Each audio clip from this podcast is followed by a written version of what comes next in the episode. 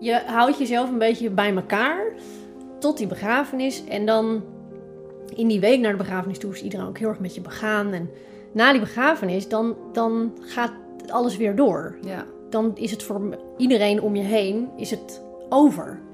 En waar niemand je voor waarschuwt, is dat je dan een soort van... Alles wat je bij elkaar hebt gehouden als een soort van flubberpudding... dan uit elkaar flikkert. En dat je dan... Dan begint het. En wat doe je dan? Het is gewoon een hele tijd, is het, is het een hele grauwe periode. En die klaart langzamerhand op. Maar de, de, de, de, de, de rouw gaat nooit over. Een ouder verliezen is gewoon een heel langdurige rouw. Die dus als zo'n stoorzender of soort van ruis die dan terugkomt en weer weggaat. En weer terugkomt en weer weggaat en weer terugkomt. Rouwen. Rouwen is, ehm, is voor mij accepteren. Je, je leert ermee te leven. Het, het wordt een onderdeel van jou. Ja. Ik heb net een telefoontje gehad. Het is niet goed met mama, we moeten nu naar Breda komen. Het gaat goed met me, het gaat goed met Ajax. Het gaat goed met Tijn. eh, het gaat goed op werk. Maak je geen zorgen, zeg maar zo. Dus dat hij met een gerust gevoel dood kon gaan. Kijk, je moet je voorstellen als jij een hele lange relatie hebt gehad en ehm, nog steeds stapel verliefd bent op Ja. iemand. En die persoon houdt van het een op het andere moment op met bestaan. Jouw gevoelens, die zijn daar nog. Ja. Weet je, hoe ouder we worden, hoe meer dingen we gaan meemaken. En ik vrees ook best voor het moment dat we 44 worden. Los van dat we heel blij zijn dat we dat mogen worden. Maar dat je dan beseft van, zij ging nu dood. Ik hoef helemaal niet bang te zijn daarvoor, want een leven duurt een leven lang. En daar hebben we helemaal niks over te zeggen, wel over de invulling. Maar wanneer het komt, dan komt het. En ja, ik vind het juist wel mooi. Als iemand overlijdt, dan eh, leef je heel erg in het verleden.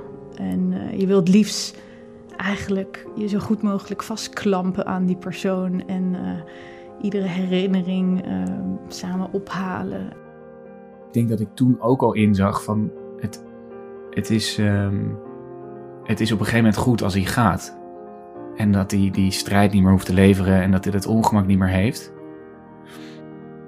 Hersenbloeding is natuurlijk een proces waarin je vrij snel eh, afscheid neemt van de eh, oorspronkelijke persoonlijkheid van iemand. Maar mensen met Alzheimer of eh, nou andere ziekteprocessen waarin je langzaam, heel langzaam afscheid moet nemen van iemands karakter, die verlopen denk ik op eenzelfde manier. Dus mensen vragen nog wel, misschien tamelijk obligaat, hoe gaat het? Maar eh, ik denk dat het soms moeilijk is om je voor te stellen hoeveel ruimte zoiets inneemt.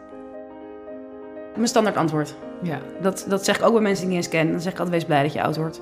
En dan zegt iedereen, ja, je hebt eigenlijk ook wel gelijk. Als iemand dood is en je, je eh, denkt aan hem of haar, dan gaat de deur op een keertje open en dan is hij er weer even.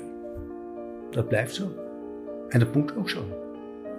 Want je wilt toch niet echt vergeten? Je mag gewoon lekker verdriet hebben om, om wie dan ook. Of ze je buurman waren, of een tante, of de melkboer. Of gewoon, jouw verdriet is legitiem. Het mag er zijn. Voel het. Ga ermee zitten. Ongeacht je relatie met iemand. eh, mensen zijn belangrijk. En als ze belangrijk waren voor jou of niet. Je mag gewoon hu- huilen en rouwen en je verdriet hebben.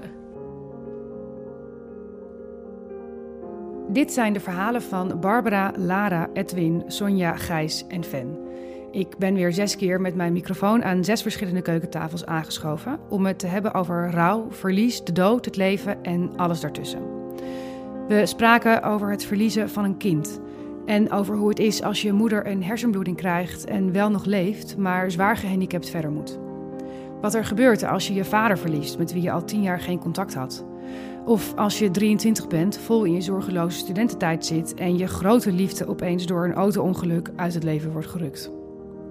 Ook spreek ik mijn zusje over onze moeder en mijn beste vriend over zijn vader, die al jaren Parkinson had en begin dit jaar aan corona overleed. Zes nieuwe verhalen, nieuwe inzichten, nieuwe levens. Binnenkort te beluisteren op alle reguliere kanalen. En ga naar dagvoordag.nl voor de uitgeschreven versies van deze gesprekken. Dat is ook de plek waar je tegenwoordig een donatie kunt achterlaten, zodat ik deze podcast kan blijven maken zonder adverteerders. Mijn dank is groot.